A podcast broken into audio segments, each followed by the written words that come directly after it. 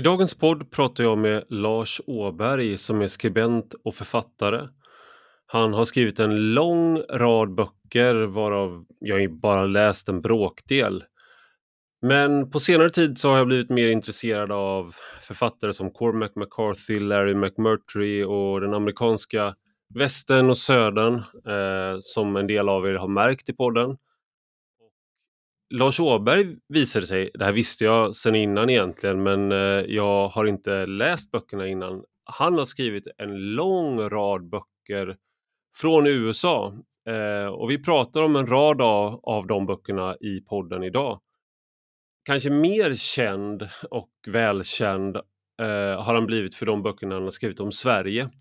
Och han skrev tre böcker på senare år som heter Framtidsstaden. Om Sverige imorgon blir som Malmö idag, hur blir Sverige då? Som kom 2017. Och 2018 kom Landet där vad som helst kan hända. Och året efter det kom All Inclusive, Välkommen till det nya landet. Och denna trilogi är andra halvan av podden, så om man är helt ointresserad av USA och eh, människorna och kulturen där så kan man hoppa fram ungefär en halvtimme i podden. Jag ber också om ursäkt för att ljudet är som det är. Eh, vi spelade in utomhus för att det var väldigt svårt att hitta något ställe att vara på i Stockholm den här gången. Um, så ni får hålla till godo med att det kvittrar lite fåglar i bakgrunden och blåser lite i micken och sådär. Men nu till dagens gäst.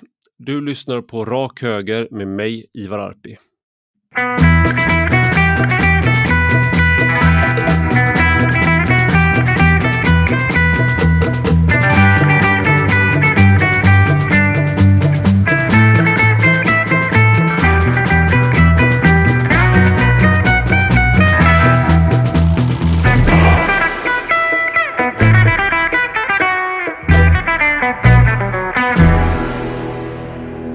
Välkommen till Rak Höger, Lars Åberg. Tackar.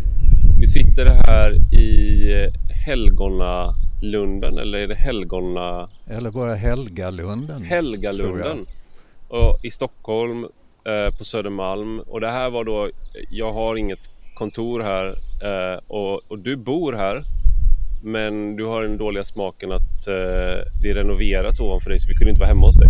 Nej, det Nej. låter som en flygplats ungefär. Ja.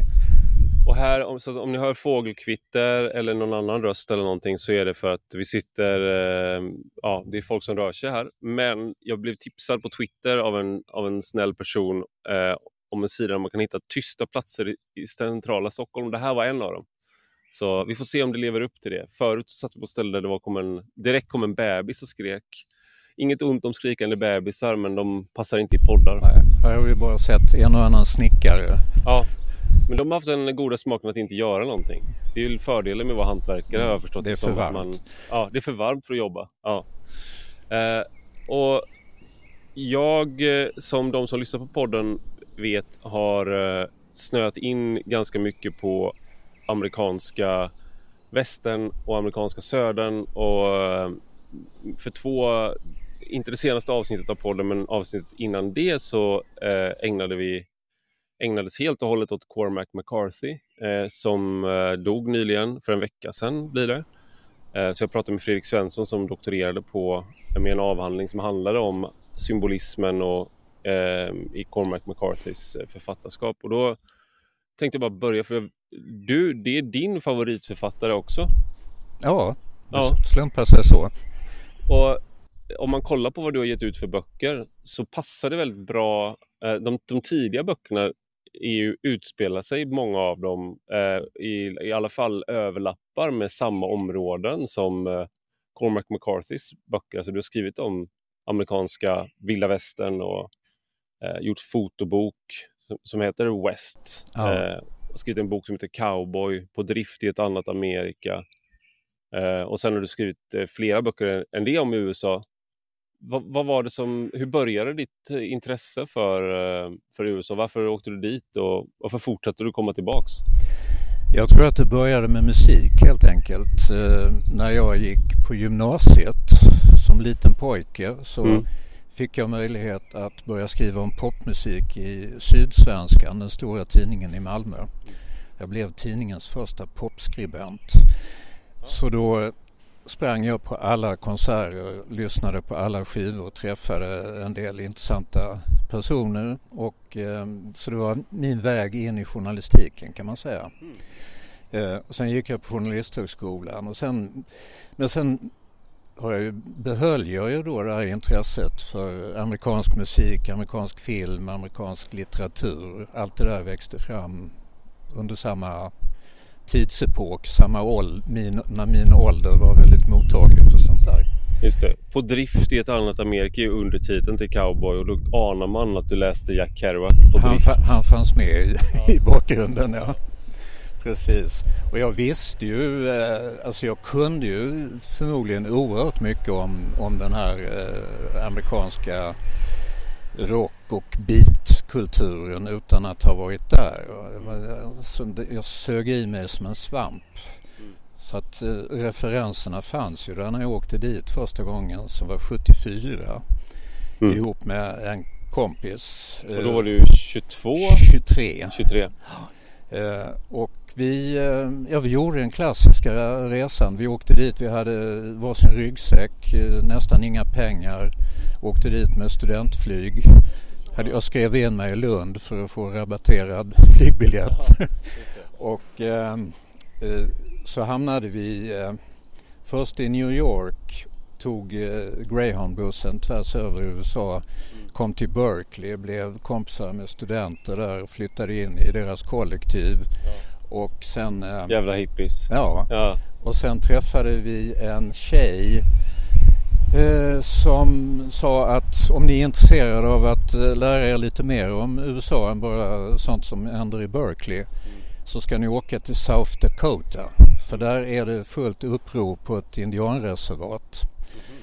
Eh, och det tyckte vi var spännande. Vi liksom var nyfikna på allt, musik, Eh, svarta, urbefolkning, samhällsfrågor. Det hände ju väldigt mycket då. enormt mycket. Ja. Så då köpte vi en, en gammal bil som inte var jättebra men den gick i alla fall att starta och den körde vi snabbt som attan då till ja. South Dakota, det vill säga över halva USA och hamnade i någonting som heter Pine Ridge-reservatet som var Sioux-indianernas eh, viktigaste reservat.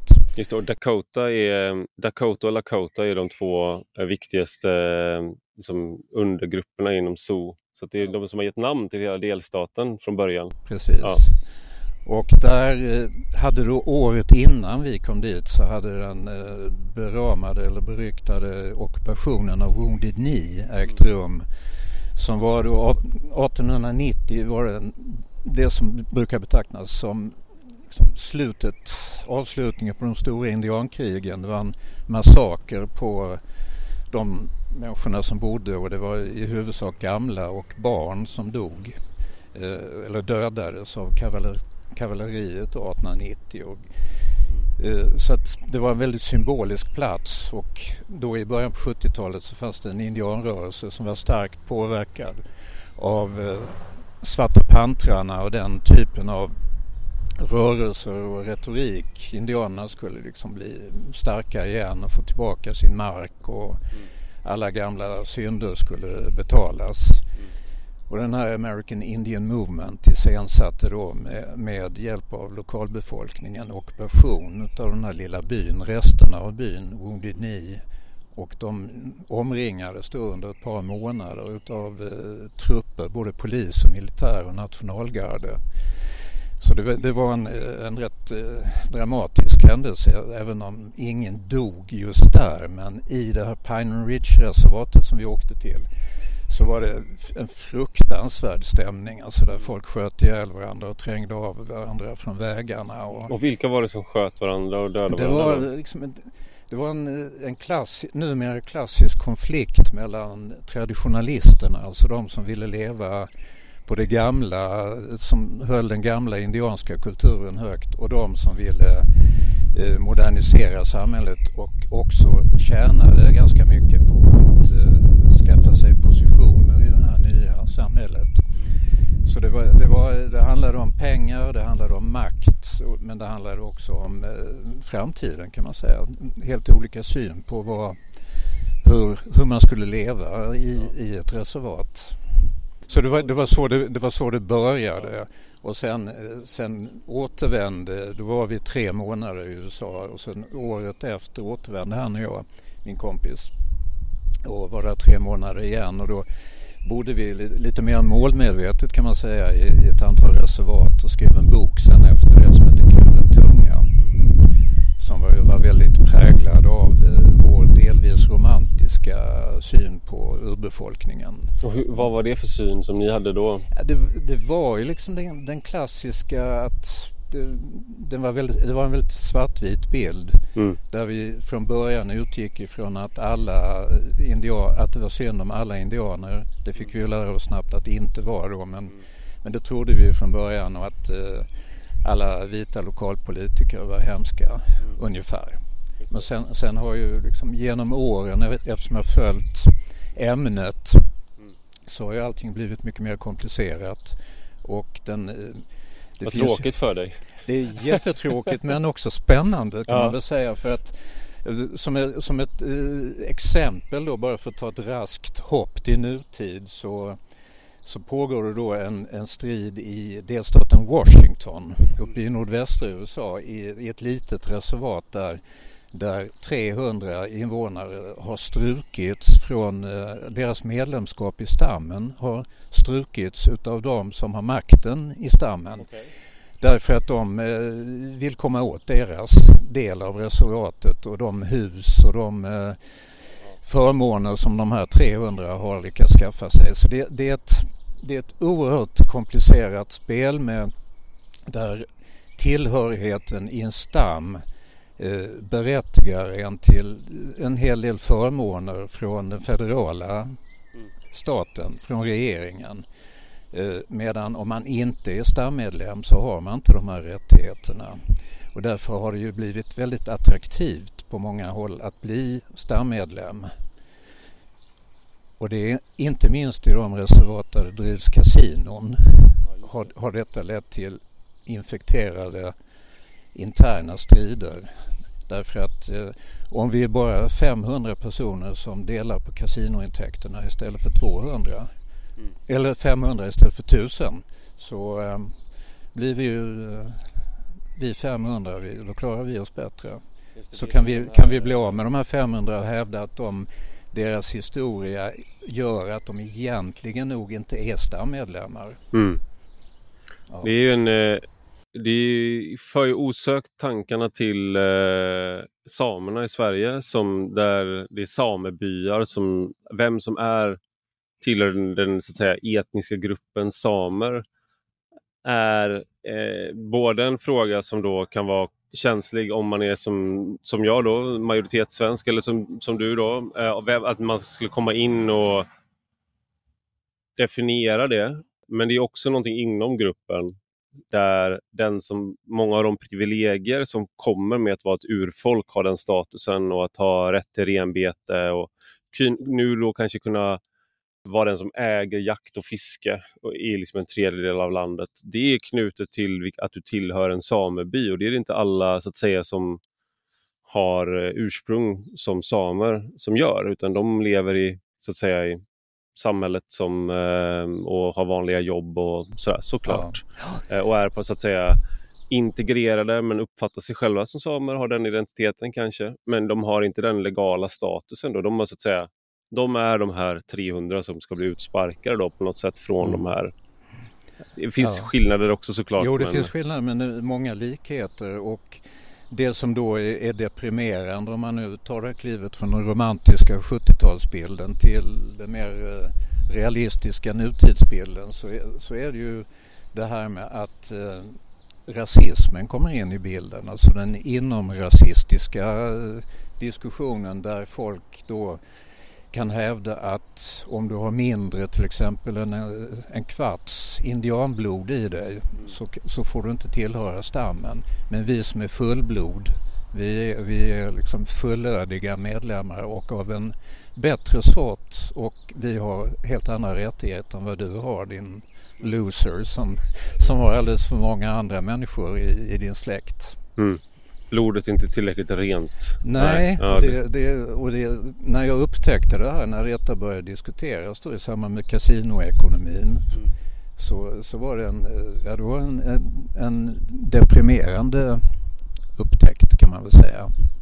Okej, men från då eh, indianer, amerikanska eh, urinvånare och det, det ska vi också bara säga att det är ju en, eh, finns ju en eh, enorm, så, såklart, en enorm eh, mångfald bland hur, man, hur de här liksom, folken har levt och vad de har för traditioner och, och sådär. Men eh, sen har du ju då skrivit om eh, cowboys och eh, den här reportageboken eh, Cowboy som jag tog upp i inledningen som är från 2002 den är ju daterad i, i bemärkelsen att eh, George W Bush var president och det känns faktiskt länge sedan nu. Men eh, i andra avseenden så är den nästan tidlös för att de här människorna som du skildrar känns, vissa av dem i alla fall, som att okej okay, det här skulle kunna vara 1940, det skulle kunna vara 2023 och det skulle kunna vara 1980. Alltså så här kring ett par till exempel som är kringresande cowboys till exempel. Och, ranchers i Montana som liksom lever och arbetar med det här. Och varför gick du varför, om det var romantisk syn på liksom, så att säga den eh, på indianer som fanns liksom, där det var någon slags äkta eh, äkthet, ursprunglighet, naturnära visdom och sånt där som har funnits då som föreställningar som ett stråk egentligen sen eh, ja, man, eh, de vita kom till eh, Nordamerika har det funnits ett sånt stråk. Men sen till cowboys, det är ju, det är som eh, barn, barnleken, cowboys och indianer. Att det är ju motsatsen på något sätt. Det är en annan romantik. Hur, hur, hur gick det där ihop? Eh, ja, men det är också samma romantik på något sätt. Därför att eh, ju mer vi reste i, i västern på landsbygden desto eh, större blev likheterna mellan människor. Mm. Alltså att den där eh, skillnaden mellan indian och cowboy var inte eh, spikrak eller så enkel utan det, det, finns, ett, finns ett gemensamt synsätt hos många människor som bor på landsbygden i, i USA och säkert på andra ställen också. Som bygger på att man är, man är oerhört beroende av eh, landskapet, av eh, det här grandiosa och utlämnade. Att, alltså det, USA är så oerhört stort. Mm. Man kan ju åka hela dagar utan att träffa folk. Mm. Eh, och man, eh, man måste på många sätt klara sig själv och de som man då har i sin närhet måste man kunna lita på någorlunda.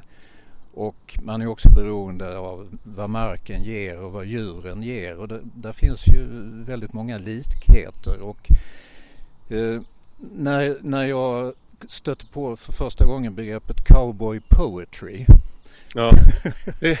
så, var det, så, var, så var det en, just en cowboypoet som beskrev det som en oxymoron. Alltså två, två ord som inte passar ihop. Han jämförde med Eh, military Intelligence och Postal Service. och det tredje var då Cowboy Poetry. Ja. Men eh, ju mer man tänkte på det och ju mer jag lärde mig och ju mer jag hörde om det där så, så var det ju en, en ganska eh, självklar kombination. Mm.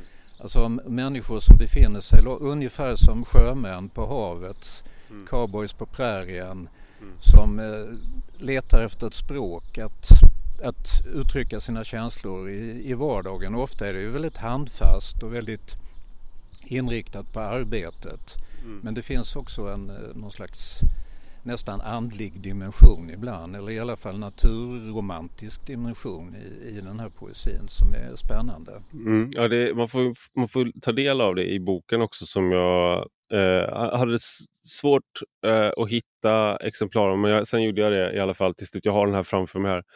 Eh, men det är också no det finns en sorg, alltså i all, alla skildringar såklart av indianer så är det ju någonting som har gått förlorat och eh, det, det är liksom en, man är kvar i en, i, i värsta fall, men kanske också i bästa fall behåller minnet av en svunnen värld eh, som man försöker att bevara på något sätt samtidigt som man måste anpassa sig.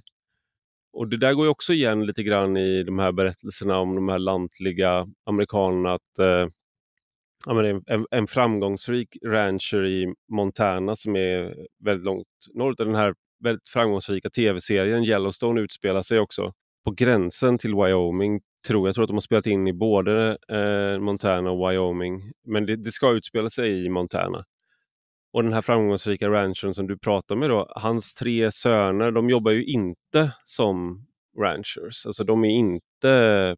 Så det är så här, det, det, finns liksom en, på något sätt att det är de som klamrar sig kvar och när de inte längre lämnar över då kommer det försvinna. Det är lite den ja, känslan man, man har. Det är ett, ett generationsskifte och eh, även, om, även om det då finns eh, branscher som drivs i huvudsak fortfarande med hästkraft. Alltså att det är de som jobbar där rider och jobbar med häst och från häst så så tar det ju långsamt över, eh, tas det över eh, fyrhjulsfordon och en, liksom en mer industriell syn på, på det hela.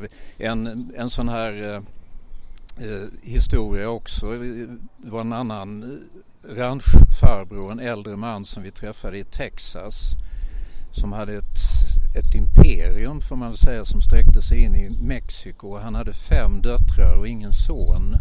Vilket var eh, den stora sorgen i hans liv för att då fanns det ju, eftersom tjejer inte kan ta över enligt det gamla synsättet så fanns det ingen arvtagare utan han såg ju framför sig hur det här imperiet skulle upplösas och säljas när han dog. Mm. Och inga, han hade inte världens bästa förhållande till sina döttrar heller så att ingen av döttrarna var intresserad av att stanna kvar i Texas. Nej. Så det, och det, den, den, här personen han var, han var nästan någon slags eh, en romanfigur i sig. Alltså ja. han, han, han, skulle ha kunnat vara med i någon sån här eh, den stora amerikanska romanen för att hela han, han han hade varit lokalpolitiker, han var businessman, han var eh, hands-on ute och jobbade ihop med de mexikanska männen som var anställda på gården då, eller på ranchen. Och han, var, han var både padre och senior och mister och allting på en gång. Men han hade ingen att lämna vidare till. Det låter det är också som en Shakespeareansk karaktär, ja, liksom var, att den kungen utan arvinge. Ja. Liksom. Jag, jag, som gjorde, mm. jag som har kämpat och kämpat. Ja, och så, så fick han växa upp i detta hem fyllt av kvinnor som inte mm. förstod honom. Just det. Det är, det är ju sorgligt. ja. ja, men jag tänker också på med, det, det är intressant för det finns ett sånt där eh, stråk i den här amerikanska kulturen som samtidigt är då på många sätt så är teknik och teknologi, allting är, alltså det är väldigt närvarande, det är högteknologiskt på många sätt.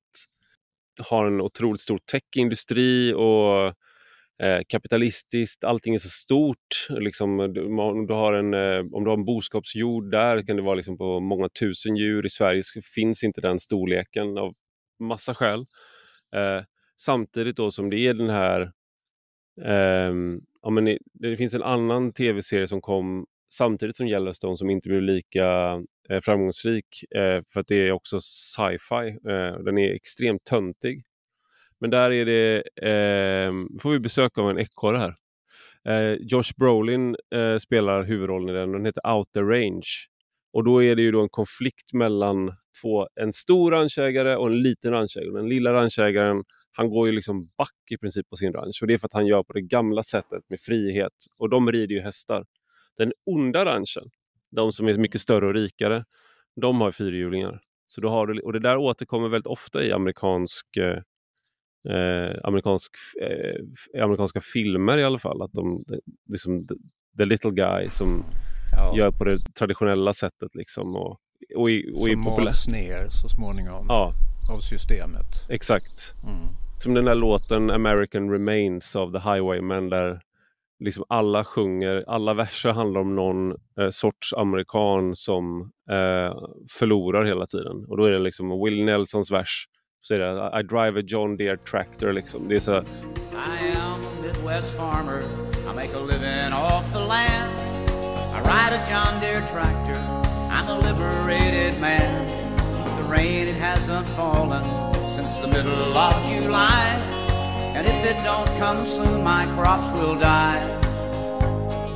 The bankman says he likes me, but there's nothing he can do. He tells me that he's coming, but the clouds are coming too. He ain't my friend.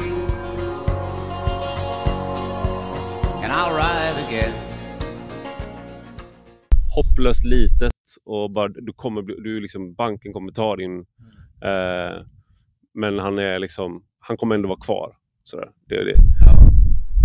Nej, det, fin- det finns ju otaliga böcker och filmer gjorda om det här och låtar också som handlar om, om den lille mannens eller lilla kvinnans kamp mot eh, antingen någon lokal pamp eller, eller mot eh, den fjärran regeringen då. Mm.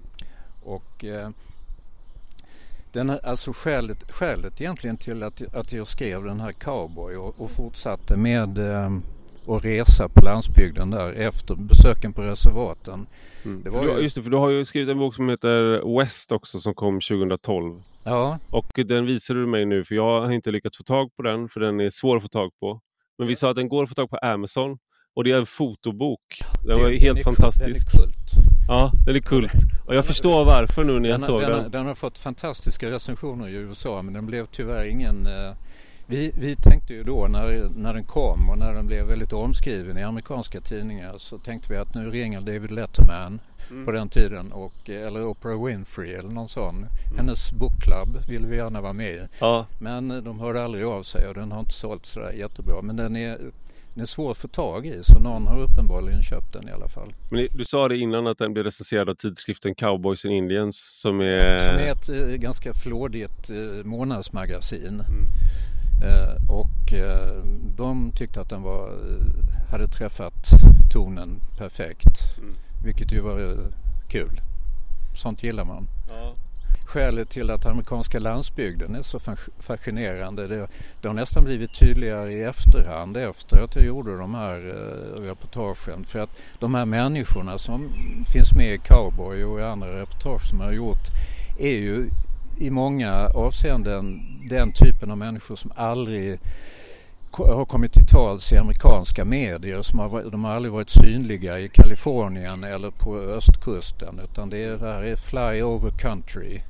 Då, det stora landet mitt emellan kusterna. Och var- när Trump blev president så uppenbarades ju den här klyftan väldigt mycket. Det var ju med en väldig förvåning som journalister i framförallt New York och Washington upptäckte att en, en sån som Trump och de synpunkter eller åsikter som han hade, att det fanns en resonansbotten för dem. Eh, Och den förvåningen var inte lika stor kan jag säga hos mig som hade rest mycket på landsbygden. Inte, så- inte så att jag på något sätt förutsade Trump Nej. men eh, liksom, de här stämningarna och den här eh, avogheten mot centralmakten är ju en, en viktig del av USAs historia också. Alltså konflikten mellan centrum och periferi. Och där, kom ju, där är ju västern eh, har ju en stor symbolisk betydelse. En sak som är, när man tänker på västern, ska man bara avsluta med kanske, det är ju, det är ju just det här flyover country att eh, västkusten och östkusten och, och sydstaterna befolkades eh, och civiliserades. Alltså fick eh, som städer och permanenta bosättningar och långt tidigare egentligen än eh, eh än det som är de här staterna från Texas, New Mexico, Arizona upp till The Dakotas, Montana, Wyoming, Nebraska. Liksom att där, det var västern. Alltså det var landet mitt emellan kusterna och det var så, ja men bara som att den sista eh, Comanche-hövdingen som innan Quanah Parker, att han var kompis med Theodore Roosevelt och var med i de första västernfilmerna som statist, eller han var med och spelade liksom. Ja. Eh, och det är alltså en person som då personligen har eh, eh, lett och dödat enorma mängder människor i kriget mot eh, nybyggarna. Men eh, han, han var en av de här som tyckte att det var bättre att bli integrerad än inte, så att säga. Så han var både den värsta eh, liksom, fienden och den bästa vännen kan man säga. Ja. Men sen finns det ju då bland vita amerikaner så, så, finns det ju också alltså den här drömmen om att rå sig själv mm. är ju fortfarande stark även om eh, de, de, flesta bor i större städer nu för tiden. Men en, en illustration till det var en, en kvinna som vi träffade i öknen i Nevada. Mm. Uh, i, i, en håla där. Hon, verkligen i mitt, mitten av ingenstans. Och man frågade henne varför hon hade tagit sig dit från östra USA så var det för att jag ville vara i fred. Det var ju det som var hela idén med Amerika, sa hon. och jag, den, den meningen fastnade hos mig för den eh, i olika former så har den eh, kommit tillbaka hos andra personer. Just det. Jag ville vara i fred. Det var ju hela idén med Amerika. Det, det här var en, eh, ett citat jag såg liksom att, eh, jag kommer inte ihåg vem det var nu, så no någon kan få, kanske få säga, säga det till mig, men att eh, en amerikan då som skriver liksom att we, uh, our forefathers uh, came into the wilderness and dreamt of the civilization they would build. We live in the civilization they, they built and dream about the wilderness they lived in. Mm. Ja, visst, absolut. Och sen har du hela södern som är en värld för sig. Ja. På många vis. Mm. Vi tar det i nästa podd. Det gör vi. ja, men jag tänkte skulle eh, prata också om, eh, jag hade en, en ingång i, i liksom de här böckerna, för du har skrivit eh, en trilogi får man säga då om eh, Sverige. Eh, land, först kom Framtidsstaden som fokuserar på Malmö och sen eh, landet där vad som helst kan hända och All Inclusive Välkommen till det nya landet är den tredje boken eh, på Sverige-temat eh, med de här böckerna. Men...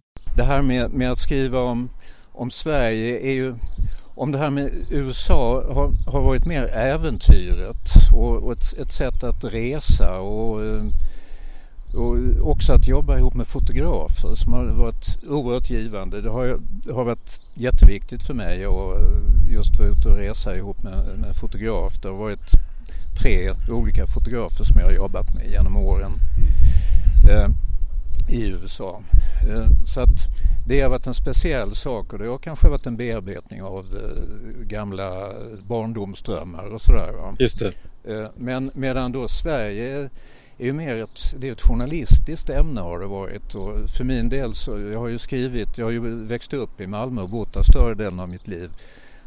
Jag, 59 år hörde jag att du sa. Ja, ja. jag kom dit eh, när jag var sex månader och flyttade. Och sen har jag bott i Stockholm i några omgångar och läst här och så. Men, och nu bor jag sedan 2014.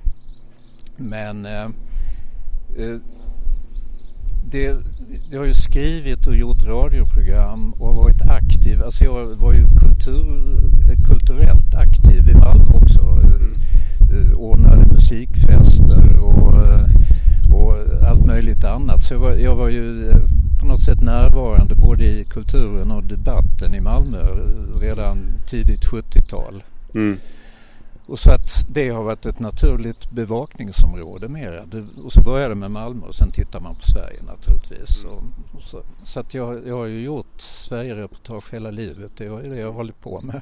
Och sen, och sen blev det mycket av en tillfällighet eh, och det var väl egentligen att ehm, förläggaren då som har gett ut de här tre böckerna att han ringde mig när, precis när jag hade flyttat till Stockholm och, och sa att nu har jag läst en massa artiklar du har skrivit. Borde du inte samla det till en bok om Malmö? För nu, nu skjuter de i Malmö och det händer mycket i Malmö. Det finns säkert ett intresse. Och det, det var, så det var inte min egen idé utan det var hans. Okay. Så jag, jag sopade ihop eh, rester av mitt liv och, eh, ja. och skrev en bok om Malmö. Och Framtidsstaden, eh, det är väl eh, så att säga att vi alla, det är Malmö ligger före i utvecklingen vad gäller eh, konflikter, kriminaliteten. Ja, det börjar väl egentligen, ja, egentligen med att eh, Malmö ligger där det ligger så det är inkörsport för alla möjliga eh, idéer och rörelser och det var ju där socialdemokratin började i Sverige. Vaggan finns ju där med August Palm, Sveriges första Folkets park, Sveriges första Folkets hus och så vidare.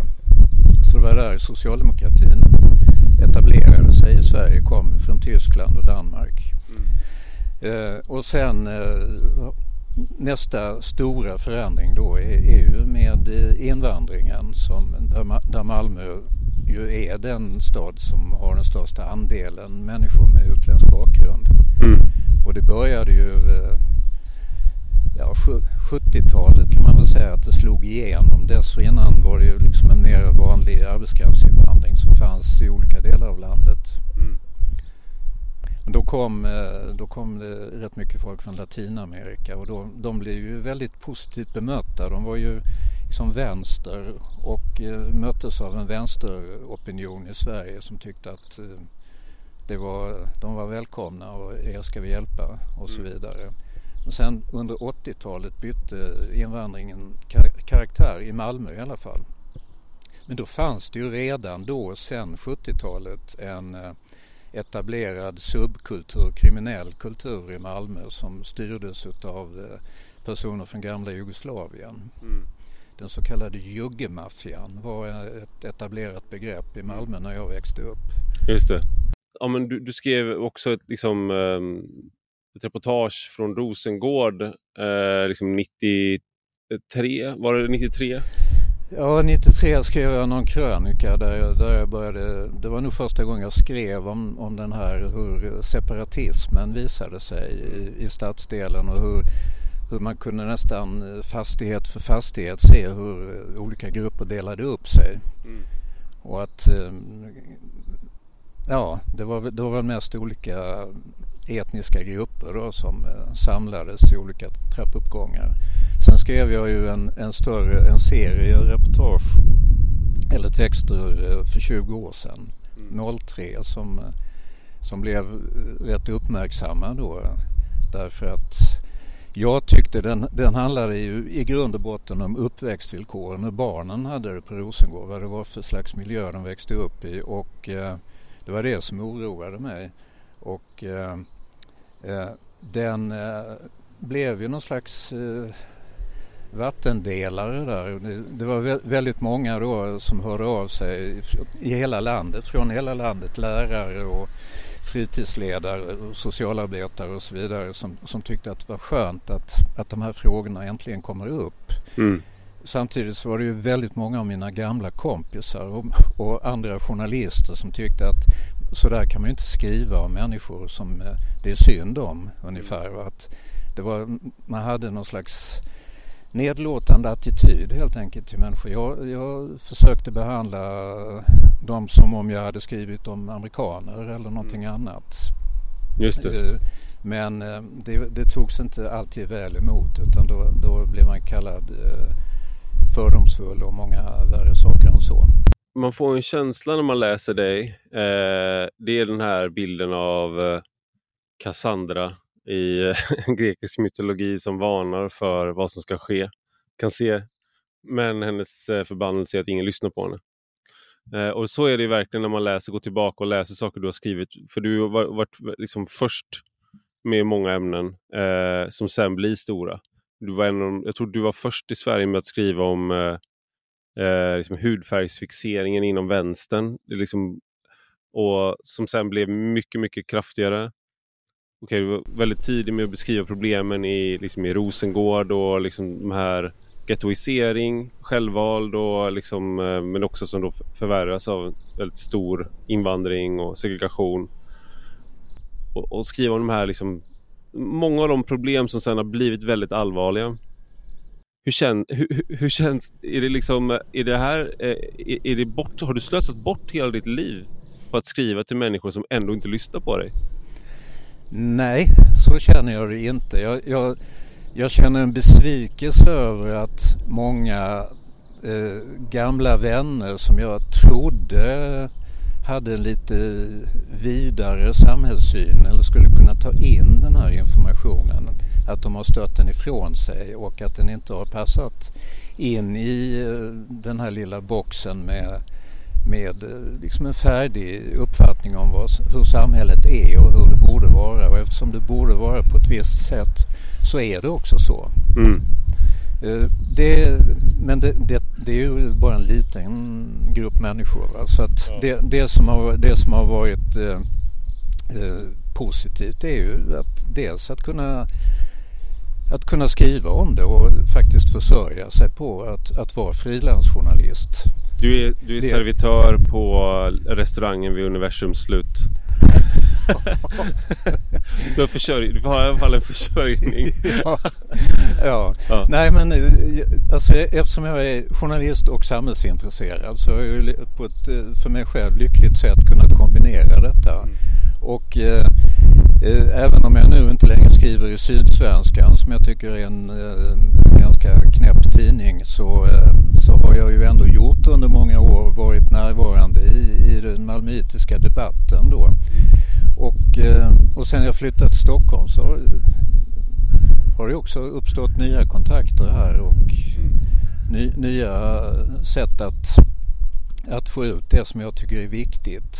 Och det, och jag betraktar ju inte mig naturligtvis som någon sanningssägare utan jag, jag är, tycker att jag är en relativt nyfiken journalist som försöker ta reda på varför saker händer och varför sådana här stora förändringar i samhället inte uppmärksammas mm. mera då när, när då, redan när de börjar bli uppenbara.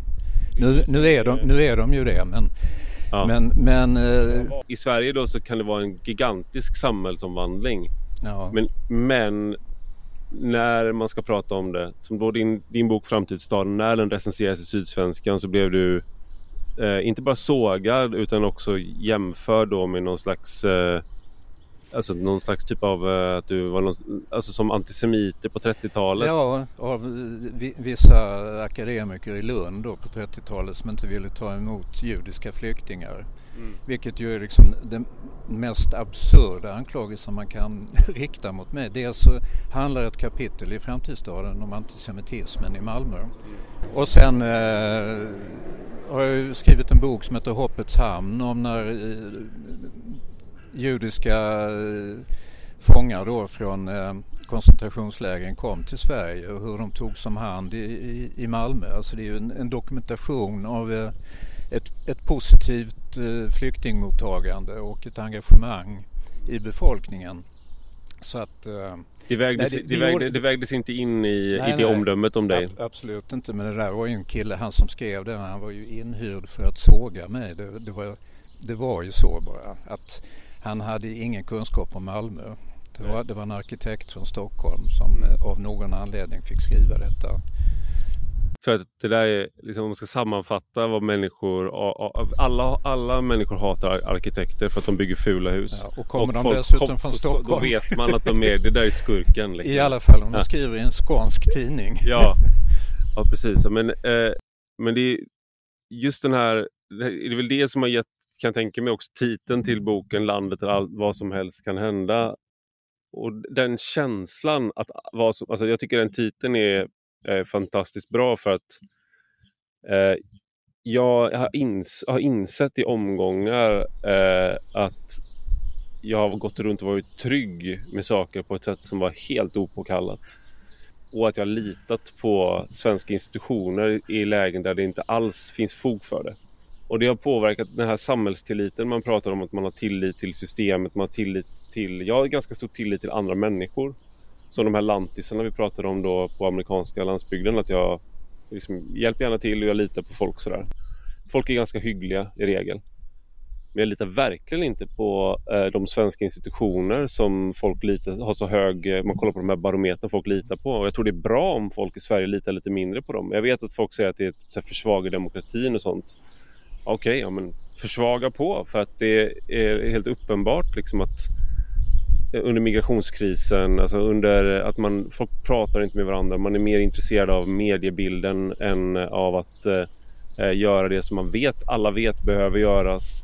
Man är mer intresserad av liksom att det ska se bra ut eh, på något sätt. Att man själv inte ska råka illa ut och sådär. Och så där, innan jag var yngre, fram tills ganska nyligen ändå, kanske tio år sedan, så trodde jag ändå att ja, men fast när det verkligen gäller då visar sig liksom de svenska myndigheterna och Sverige från den här... Och det, så tycker jag inte att det... Det finns väldigt många sådana där enskilda, inte bara migrationskris utan också skogsbränder, att man visar att man har inte till, eller tågen slutar gå. Jag är uppväxt med en tanke om att tåg är någonting vi är bra på. Logistik, alltså sådana här tråkiga saker, det funkar liksom. Men det är det som inte funkar. Det som funkar är att människor är väldigt vänliga i Sverige tycker jag och hjälpsamma. Det är min erfarenhet. Jo, nej men det, det håller jag med om och det finns ju ingen anledning att ha tillit till myndigheter som visar sig fungera dåligt. Det är ju inte, en, det är inte ett tecken på stark demokrati.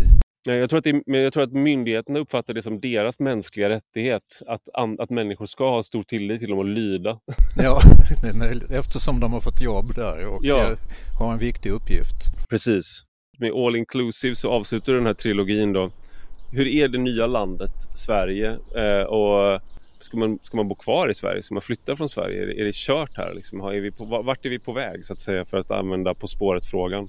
Mm. All inclusive återvänder ju på något sätt till det här barnperspektivet. Alltså det, den grundfrågan där är, är ju vad som, vad som händer med barnen och ungdomar som växer upp i ett samhälle som, som inte fungerar då som vi många av oss tycker att det borde fungera. Mm. Där det, det gröps ur den här tilliten, kanske inte till grannen men till systemet och till eh, och därigenom också till någon slags eh, abstrakt framtid. Mm. Eh, och jag, flytt, jag flyttade ju eh, inte från Malmö därför att Malmö hade blivit förfärligt. Det vill jag understryka. Det var liksom ingen flykt. Det var inte flykten från New York eller något sånt där. jo, det var det. Och det kommer filmatiseras.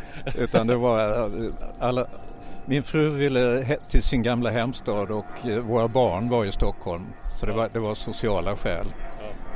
Och, eh, Annars hade du bott i Montana nu kanske då?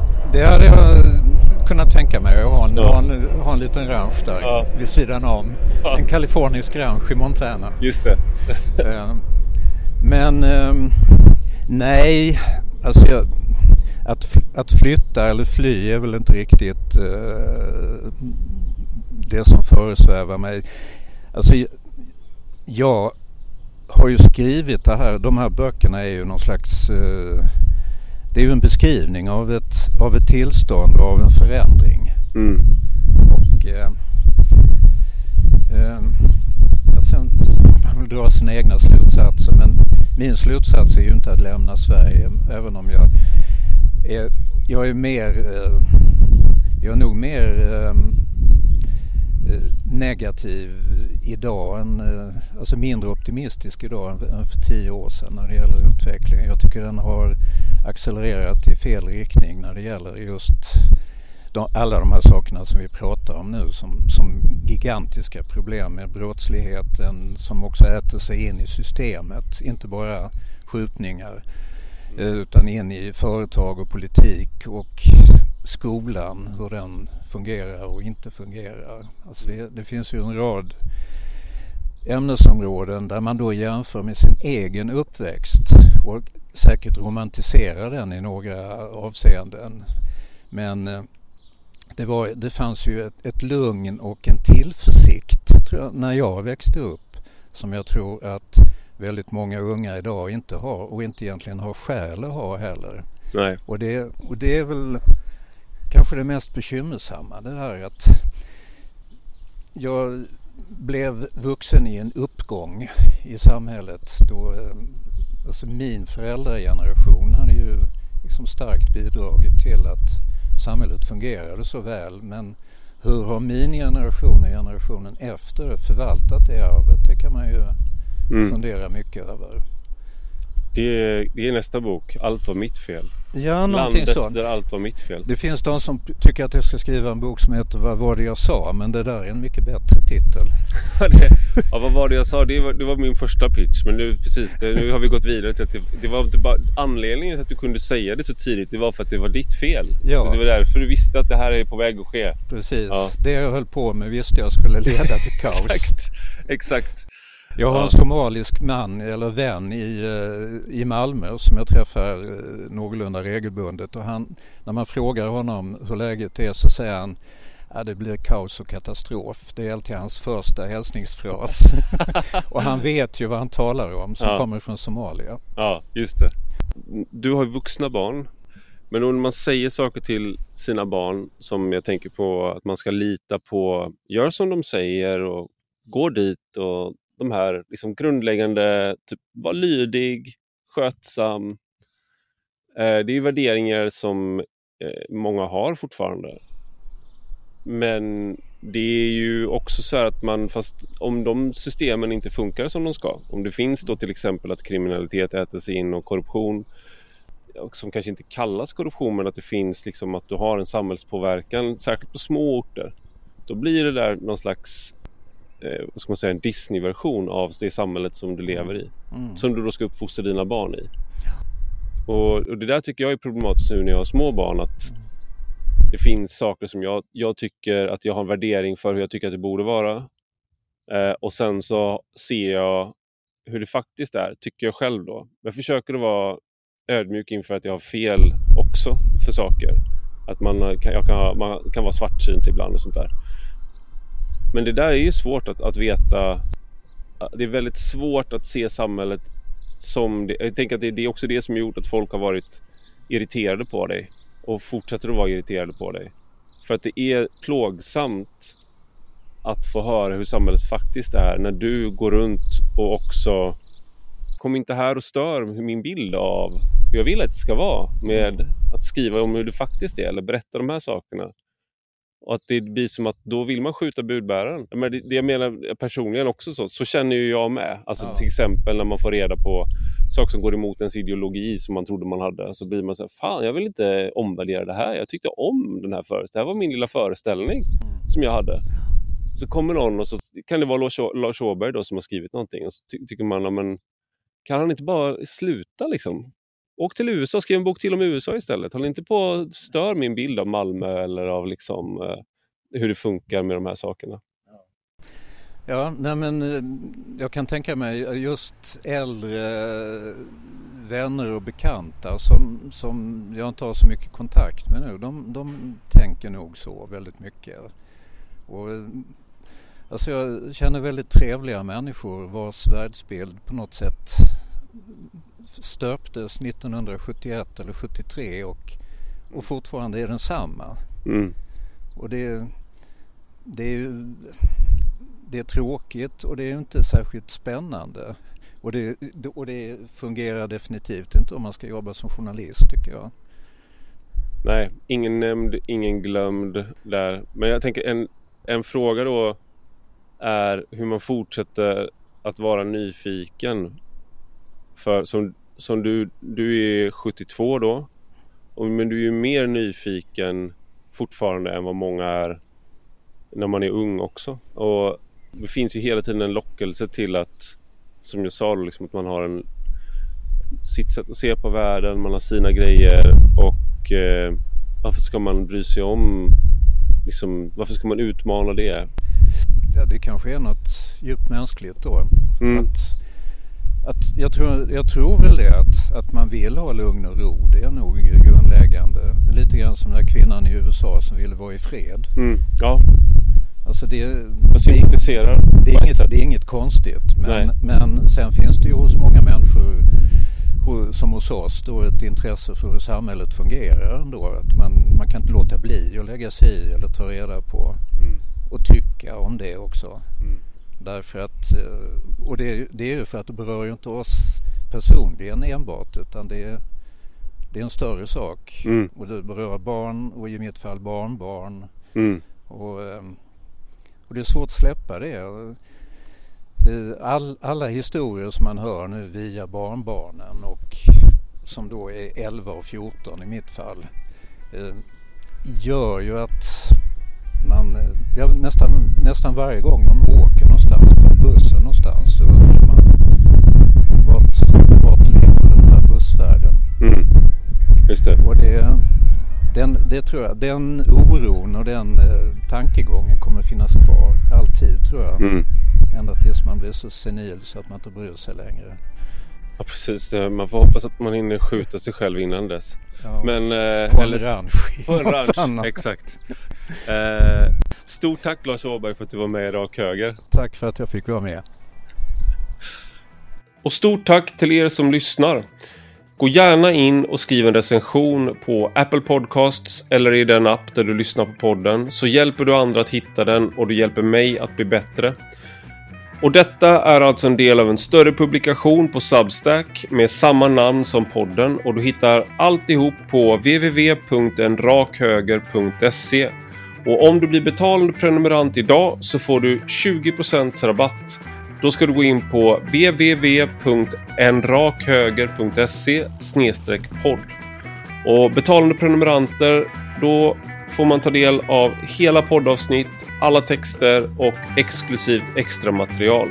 Och har ni några frågor eller synpunkter så tveka inte att höra av er på ivararpi.substack.com Vi hörs om en vecka igen.